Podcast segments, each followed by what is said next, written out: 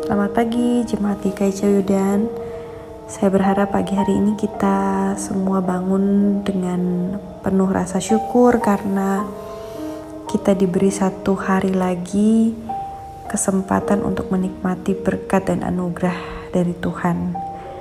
Pagi hari ini renungan kita saya beri tema belajar dari rumah yang terinspirasi dari bacaan Lukas 15 ayat 11 sampai 32. Saya yakin Bapak Ibu semua sudah menghafal cerita ini yaitu tentang perumpamaan anak yang hilang. Bapak Ibu yang terkasih, selama masa pandemi ini peraturan yang paling digaungkan adalah stay at home.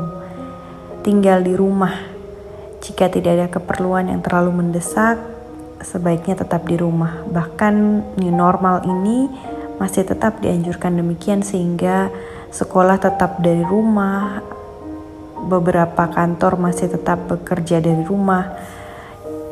Walaupun kita sudah mulai uh, ibadah onsite, tetapi tetap uh, untuk lansia dan usia di bawah 18 tahun tetap harus ibadah dari rumah, rapat tetap dari rumah, dan hampir semua kegiatan kita lakukan dari rumah.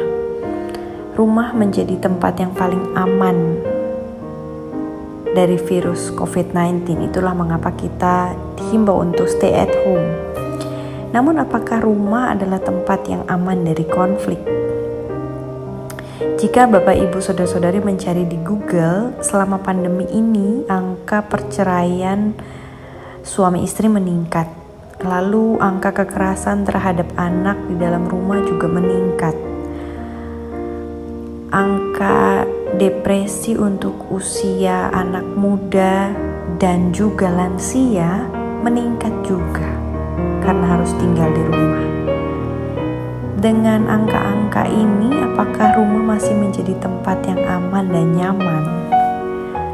Nah, mari kita cek keadaan rumah kita masing-masing. Bapak Ibu boleh menjawab dalam hati iya atau tidak. Apakah kita merasa bosan karena terlalu sering ngobrol dengan orang rumah? Apakah kita sering bertengkar dengan sesama anggota keluarga karena mempersoalkan kebiasaan-kebiasaan yang tidak pernah berubah? Apakah kita sering merasa rumah kita ini terlalu berisik sampai tidak bisa konsentrasi bekerja atau belajar? Apakah kita merasa malu karena punya keluarga yang tidak sempurna? Kalau semua jawaban kita atau rata-rata kita menjawab iya, maka selamat.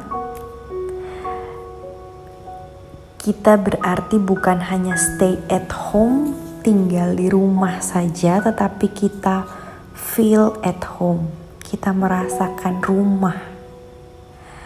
Bayangkan jika rumah kita sunyi sepi sepi, tidak ada konflik karena tidak ada interaksi Bapak Ibu Saudara-saudari. Kemungkinan ada yang salah dengan komunikasi antar keluarga jika keadaan rumahnya seperti itu. Jadi kalau ada ribut-ribut, bertengkar, konflik, rasanya itu kita sedang ada di rumah. Rumah adalah tempat kita merasa aman, aman untuk merasa apa saja. Di rumahlah kita akan belajar tentang bagaimana relasi yang dekat dan mendalam punya resiko untuk saling menyakiti karena tidak ada lagi yang ditutupi. Tapi di rumahlah justru kita belajar tentang kasih yang sanggup menerima kekurangan, kasih yang mengalahkan ego, kasih yang sanggup mengampuni, kasih yang jujur, kasih yang mendidik, kasih yang tulus dan apa adanya, dan kasih yang tak bersyarat. Itu semua akan kita pelajari dari rumah, dari interaksi kita dengan keluarga, dari komunikasi yang intens dengan keluarga, dari konflik-konflik yang terjadi karena terlalu sering berkomunikasi dan berinteraksi, khususnya di masa pandemi ini.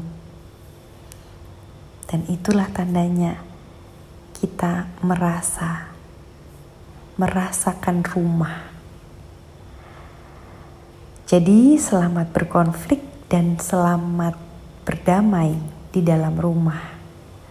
Selamat menikmati rumah yang banyak kekurangan tetapi berkelimpahan dalam cinta. Itulah sejatinya rumah. Tuhan memberkati. Mari kita berdoa. Kami sungguh bersyukur Tuhan untuk rumah yang Tuhan berikan bagi kami semua. Rumah dan segala isinya. Bukan pernak-pernik tetapi orang-orang di dalamnya keluarga kami. Kami sungguh bersyukur karena kami memiliki keluarga yang walaupun banyak sekali kekurangan, banyak sekali hal yang tidak ideal dengan keluarga kami, tetapi justru dari sana kami bisa belajar tentang kasih yang tidak bersyarat, kasih yang tulus dan apa adanya, kasih yang mendidik, kasih yang sanggup menerima apa pun, dan kami menemukan Tuhan di sana. Tuhan, tolonglah keluarga kami. Tuhan, tolonglah untuk terus membanjiri rumah kami dengan cintamu, agar kami boleh hidup di dalam rumah ini, walaupun kami tiap hari ber bertengkar, berkonflik, tetapi di sana kami juga boleh membagikan pengampunan yang tiada batas karena ada Tuhan di dalamnya.